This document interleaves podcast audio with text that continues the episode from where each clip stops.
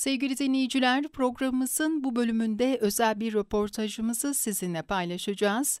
Üsküdar Üniversitesi Tıp Fakültesi Dahili Tıp Bilimleri Bölüm Başkanı ve farmakoloji uzmanı Profesör Doktor Sayın Tayfun Uzbay konuğumuz olacak. Sayın Uzbay, COVID-19'a karşı geliştirilen aşılar ve pandemi sürecinin dünya genelindeki yönetimini değerlendirecek.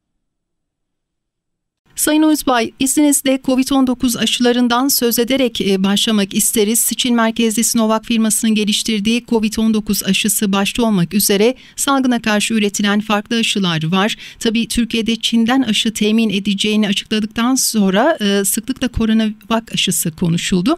Sağlık Bakanı Sayın Fahrettin Koca inaktif aşıların güvenilirliğini anlattı ancak yine de biliyoruz ki pek çok kişi hangi aşı daha güvenli sorusunun yanıtını arıyor. Bu bağlamda koronavak ve diğer aşıların farkları nelerdir diye sormak isteriz. Şimdi e, etkinlik ve güvenlik bakımından iki türlü değerlendiriyoruz aşıları. Koronavak aşısı ve diğer aşılar e, bir pandemi sürecinin, bir e, kriz sürecinin yani krize dönüşmüş, küresel krize dönüşmek üzere olan sağlık sistemini çok zorlayan bir pandemi sürecinde ortaya çıkan aşılar.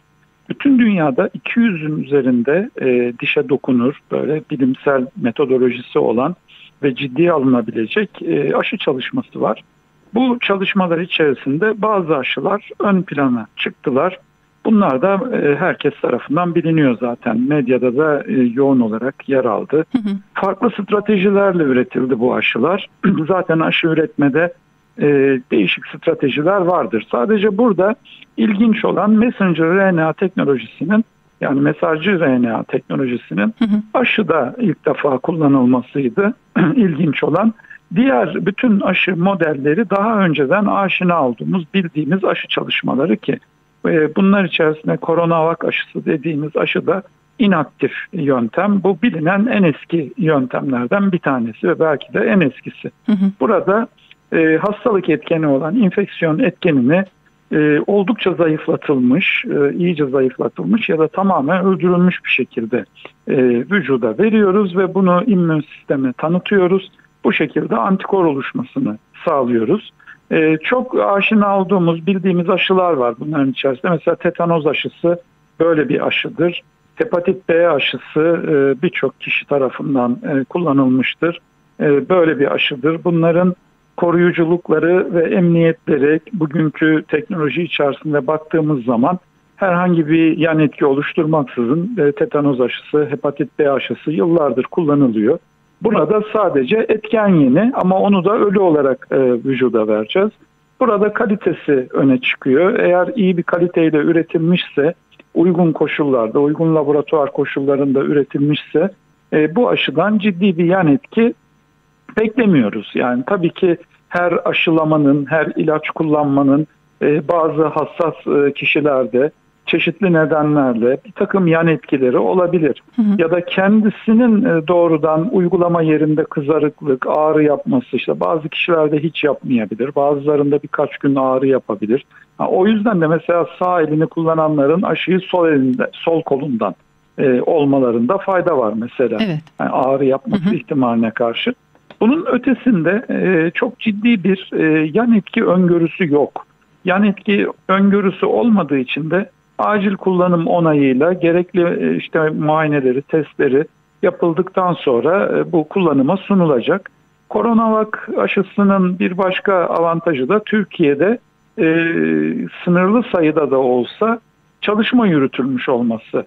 E, faz 2, faz 3 e, sürecinin başlangıcında ya da diyelim. E, burada genellikle sağlık personeli buna gönüllü oldu ve bunun ilk sonuçları açıklandı. E, bu sonuçlar e, yeterli koruyuculuk olduğunu gösteriyor ve e, herhangi bir ciddi yan etki de rapor edilmedi. Ha şu söylenebilir, burada denek sayısı az, çok daha fazla geniş gruplarda kullanılması lazımdı. Bu doğrudur. Ancak teknolojinin eski olması, bildiğimiz bir teknoloji olması ve kendi popülasyonumuzda herhangi bir e, ciddi e, direkt yan etki görmememiz nedeniyle Buna biraz daha sıcak bakabiliyoruz.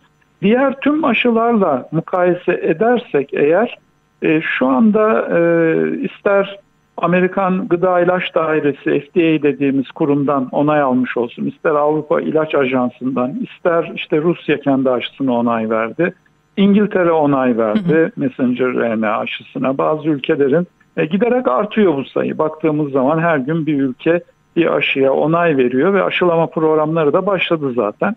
E, ön çalışma sonuçları yani onay almadan önceki sonuçları karşılaştırıldığı zaman aşıların hani yan etki potansiyelleri ve etkinlikleri arasında e, ciddi bir fark e, görülmüyor. Sadece biz hani e, farmakologlar olarak ben bir farmakoloji uzmanıyım. Evet. Ve biz genellikle yeni teknolojiyle üretilen veya yeni bir şey karşımıza geldiği zaman biraz daha temkinli davranma e, eğiliminde oluruz. E, burada da e, amacımız, tabii amacın ne olduğu önemli. Amaç antikor oluşturup bir koruma sağlamak. Hı hı. Bunu ölü virüs e, yöntemiyle yani ölü e, aşı, e, inaktif aşı teknolojisiyle yapıyorsak eğer ve bildiğimiz bir teknoloji ise bu bize daha emniyetli gözükür. Zaman içerisinde sahada göreceğiz zaten. Şu anda bilemiyoruz ne kadarlık süre koruyacaklar ama en az bir 4 ay e, olmak üzere 6 aylık hatta 1 yıla uzayan korumalar elde edebiliriz. Bu şekilde bir e, tetanoz aşısı yapılıyor mesela. Bu aşının 3 e, yılın üzerinde 5 yıla kadar uzayan hı hı. koruması var. Burada bu virüse karşı bu kadar uzun süreli koruma sağlanır mı sağlanmaz mı onu bilemiyoruz.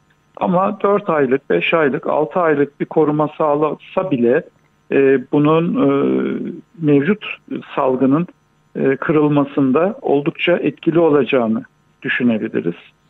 Peki hocam e, şunu sormak isterim izninizle aşılara değindik e, aşılanma başlamasıyla birlikte e, insanlarda ne zaman maskesiz hayat başlayacak sorusu da böyle çok fazla dillendiriliyor. Evet. Belki şimdiden öngörüde bulunmak kolay değil ama Örneğin bugün Türkiye özeline baktığımızda sizce koronavirüsle mücadelede kısıtlamalar ne kadar daha sürer? Şimdi sadece Türkiye'yi bağlamıyor. Bütün dünyayı bağlayan bir durum bu. Dünyadaki durum da son derece önemli zaten e, küresel olması bu salgının lokal olsaydı, baş, belli bir yerde olsaydı e, dünya bu kadar etkilenmeyecekti bununla. Ama bu küresel bir salgına dönüştü. Şimdi öncelikle e, bir beklentimiz var, iyimser bir beklentimiz var. Aşılardan sonra e, normal hayata daha çabuk döneceğiz. Bu e, ciddi bir beklenti ve bu büyük bir ihtimalle bilimsel olarak da düşündüğümüzde e, aşıların durumunu değerlendirdiğimizde, aşıların tarihine baktığımızda e, bunun e, kuvvetle muhtemel olduğunu görüyoruz. Yani biz daha hızlı geçeceğiz ama bunun süresi nedir? Bunun süresini belirleyici olacak unsur aşıların ne kadar süreli koruma sağladığı. Bunu uygulandıktan sonra görebileceğiz net bir şekilde. Şimdi e, küçük popülasyonlarda faz 2, faz 3 sonuçlarını değerlendirdiğimizde onlar da çok uzun bir süreyi kapsamıyor biliyorsunuz. Yani hı hı. faz 3 çalışmalarının neresinden baksanız 3 aylık hadi bilemediniz en fazla 4 aylık bir süreyi kapsayabilir. Onun ötesinde daha koruma devam ediyor mu onları bilemiyoruz. Onları biz sahada göreceğiz. Eğer e, uzun süreli koruma sağlıyorsa ve etkili bir koruma sağlıyorsa gerçekten iki dozla birlikte e, bu %90'lardan falan söz edildi biliyorsunuz e, bu kadar yüksek bir e, koruma sağlıyorsa ve aynı zamanda bu koruma uzun da sürüyorsa e, ne diyeyim mesela bir yıl diyelim bir yıllık yüzde doksanlık e, iyi bir koruma sağlıyorsa bir aşı ki genellikle e, bu aşı daha yaygınlaşacaktır. Aralarında da çok büyük bir fark olacağını düşünmüyorum. Ben birinde yüzde yetmiş ise birinde yüzde doksan olacaktır. Belki birinde yüzde altmışa düşebilir daha geniş popülasyonda. Hı hı. Ama bunların hepsi etkili olur. Sonuçta biz bu yazı e, daha iyi geçirebiliriz. E, ancak bunun ikinci bir faktörü daha var efendim. Yani onu da vurgulamak Buyurun. lazım. Aşıyı ne kadar yaygın yaptığınız da önemli. Yani siz yaygınlaştıramazsanız sadece toplumun yüzde onu yüzde yirmisinde kalırsa bu aşılama e, bu normal hayata geçme süreniz de aynı ölçüde uzayacaktır. Belki aşıladığınız grupları koruyabilirsiniz. Bunlar sağlık personeli ise sağlık personeli daha motive, daha diri size hizmet edebilir e, bu korumalarla. Ama toplumun geneline yaygınlaştırmanız lazım ki e, bir an önce salgın kırılsın ve ortadan kalksın.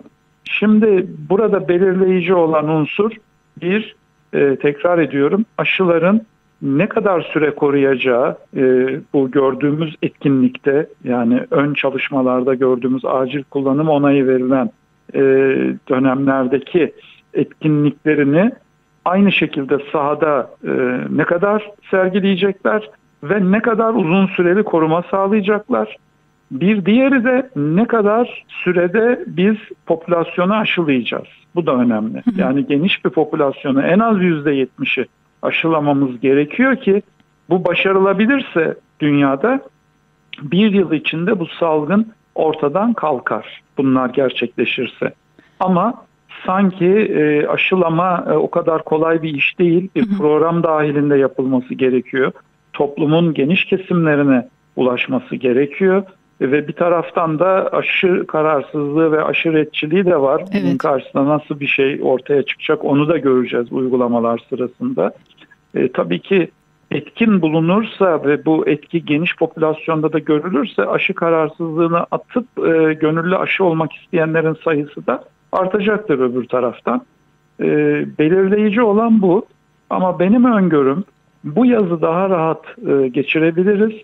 Ancak e, bir süre daha e, belki bir yıl belki bir yıldan biraz daha fazla bir süre e, belki bugünkü sıklıkla bugünkü kadar e, dikkatli olmasa da e, maske kullanımı devam edecektir. En azından bir kalabalık ortama girildiğinde ya da e, risk olan yerlere mesela hastanelere falan giderken evet. maske takma böyle bir iki yıl falan devam edebilir. Peki hocam izninizle son olarak bir soru daha sormak istiyorum. Ee, çok fazla zamanınızı almadan özetlerseniz belki e, daha uygun olur sizin için de. Ee, pandemi sürecinin dünyada genel olarak yönetimini nasıl değerlendirirsiniz? Ya dünyada şimdi pandemi yönetimi e, biraz e, siyasete e, alet olmuş durumda. Hı hı. E, şimdi e, dünyadaki yönetim biçimine baktığımız zaman e, seçimler oluyor. İşte insanlar liderlerini seçiyorlar. E, birileri yönetiyor ülkeleri. Tabii ekonomi çok önemli evet. burada, burada. Hı hı. seçim kazanmak için insanları en çok yani siyasetçileri en çok ekonomi zorluyor. Yani ekonomiye ekonomik vaatlerle gelebiliyorlar ya da ekonomi kötü gittiğinde e, gidebiliyorlar. O yüzden de siyaset bu işi tek başına şeye bırakmadı e, baktığımız zaman. E, tamamen sağlık profesyonellerinin e, yönetimine bırakmadı. Bu bütün dünyada böyle. Hı hı. Ve e, halkta da bir bezginlik oldu. E, çünkü insan sosyal bir varlık ve e, sosyal izolasyon insanda ciddi bir strese neden oluyor. Yaşlıların eve kapanması, insanların eve kapanması başka sağlık sorunlarını, ruhsal sorunlar başta olmak üzere getiriyor. Ekonomik e, sorun ayrı bir şey. Şimdi tamamen kapanmaya gitmek veya ilişkiyi kesmek, e, güçlü bir izolasyon bu pandeminin belini kırmak için çok etkili bir yöntem. Ancak bunu yaptığınız zaman de, göbeği birbirine bağlı dünya ülkeleri var ekonomik olarak hı hı. ve dünya ekonomisi küresel bir ekonomi artık. Bir ülkenin e, hapşurması veya e, rahatsız olması başka bir ülkeyi de etkiliyor. Evet. Domino taşı gibi etki hı hı. E, yaratabiliyor. O yüzden bütün dünyada e, tam bir kapanma sizler de görüyor, görüyorsunuz şahit olduk buna. Hı hı. Yani çok uzun süreli tam bir kapanma hem insanların sağlığını olumsuz etkilemesi bakımından hem de ekonomi üzerindeki olumsuz etkileri bakımından mümkün değil. E, o yüzden e, yarı normal veya yeni normal denilen kavramlar üretildi ve insanlardan sorumluluk alması beklendi. İşte insanlar da çok fazla sorumluluk alamadıklarını gördük mesela. Yani kurallara çok fazla uymadı. Yani uyanlar vardı, uymayanlar evet. vardı ama toplumun e, geniş kesimleri bu tedbirlere uymadığı zaman yayılması için de uygun bir ortam oluyor maalesef. Yeterince yayılıyor. E, aşı programlarında Dünya Sağlık Örgütü'nün e, baskıları var. Herkese yeter miktarda aşı üretilmesi ve aşının ucuz sağlanması yolunda. E, bu konuda bir fikir birliği var e, dünya ülkeleri arasında. Bunu görüyoruz. Yani siyasetçilerin fazla karışmasının nedeni ekonomik kaygılardı. E, bu ekonomik e, kaygılar ama sadece siyasetçilerin değil baktığımız zaman insanların da kaygısı haline geldi. Çünkü evet. Kapitalist sisteme dönmüş olan bir dünya ekonomisi içerisinde kim ne derse desin öyle şirketler evde oturun e, işte biz sizin 6 aylık maaşınızı karşılayalım 5 aylık maaşınızı karşılayalım bazı zengin ülkeler bunu yapabildi belki ama genel olarak bu yapılamadı. E, bir taraftan e, sağlık sigortası bakımından mesela Amerika çok e, iyi bir ülke olarak görülür. Hı hı. İşte bilimin kalesi veya e, bütün endüstriyel faaliyetler en güzel Amerika'da olur. Ama Amerika'da bile kaos ve karışıklık evet. yarattı bu pandemi görüyorsunuz. Hı hı. Yani ciddi sorunlara yol açtı. Çünkü insanlar normal sağlık sigortalarının pandemide kendilerini korumadığını gördü. Hı hı. Özellikle yoksul kesim evet. olduğunu anladı Amerika'da geniş bir kesim. Burada da sosyal devlet politikalarının yeniden önem, önemi ortaya çıktı. E, bunlar konuşulacak. Bu tartışmalara yol açtı tabii süreç. E, dünya pandemiyi yönetebildiği kadar yönetti. Biraz ekonomik kaygılarla, e, biraz böyle bir kaos ortamı içerisine gidiyor. Sevindirici olan iki şey var burada e, bu süreç içinde. Bir, sosyal devlet anlayışının, sağlığın ve insan sağlığının özellikle e, tamamen kapitalist yaklaşımlarla yönetilemeyeceği. Yani parası olan ulaşsın hayatı bir şey ama parası olmayan ulaşamasın veya parası olmayan yaşamasın diye bir şey ciddi bir sorun. Dünyadaki ekonomistler ve yöneticiler buna ciddi kafa yoruyorlar ve kapitalizmin bu işi tek başına karşılamadığı ortaya çıktı. Ee, bu süreçte bu tartışılıyor şu anda. Daha iyi sosyal devlet nasıl olunabilir? Bu tartışılıyor. Ee, bu bence iyi bir şey. İkinci iyi şey de teknolojinin gelişmesi, bilim e, laboratuvarları arasında dayanışmanın olması ve bilim insanlarının ciddi çalışmaları sonucunda bir yıl gibi kısa bir süre içerisinde onun üzerinde aşı insanların kullanımına sunuldu. Bu da sevindirici ve iyi bir gelişme. Ee, inşallah yani gelecek daha iyi olur. Ee, pandemiler çünkü bir şey öğretir insanlara evet. her zaman. Sayın Uzbay çok teşekkür ediyoruz değerli katkılarınız için. Ben teşekkür ediyorum. Sağ olun. Görüşmek üzere hocam. Sağ olun efendim. İyi yayınlar. Hoşçakalın.